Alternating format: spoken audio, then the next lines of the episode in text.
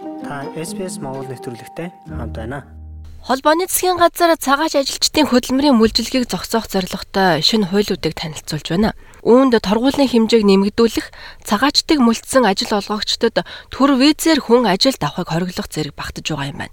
Австральд цагаачлан ирсэн 6 хүн тутмын нэг нь хөдөлмөрийн хөлсний доод хэмжээнээс бага цалин авдаг гэж холбооны засгийн газар саяхан мэдгдсэн. Цагаачлалын сайд энэхүү хуулийг танилцуулсан бөгөөд шинэ хуулийн дагуу цагаач ажилчдыг мүлдсэн шудраг бус ажил олгогчдод торгуул ногдуулах болно гэлээ. Шинэ хуулиудад хэн нэгнийг визний нөхцлөө зөрчихийг албатах нь эрүүгийн гэмт хэрэг гэж үзэхэр болж байгаа юм байна. За сайд хэлэхдээ шинэ хууль нь мүлжлэгт өртөж байгаа ажилчдыг үгээ хэлэхэд нь туслах болно гэлээ.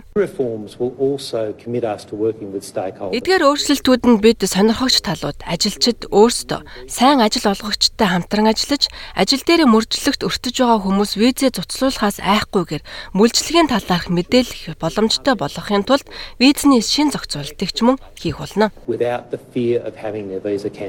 Шинэ хуулиудыг хэрэгжүүлэхэд туслах зорилгоор Австралийн хил эдийн хүчинд нэмэлт 50 сая доллар олгохоор болжээ сайд хэлэхдээ эрүүгийн гэмт хэрэг үйлдэх нь урьдчилан сэргийлэх арга хэмжээ болно гэлээ.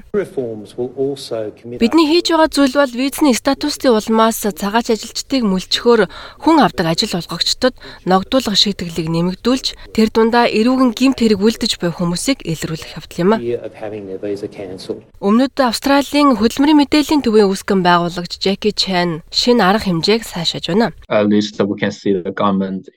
За засгийн газар цагаач ажилчдыг өөрсдөө өөрсдөө мэдээлэхээс илүүтэй ажил олгогчийн өмнө илүү их торгуул ногдуулах, хариуцлага оногдуулах талаар арга хэмжээ авч байгааг нь бид цаашааж байна.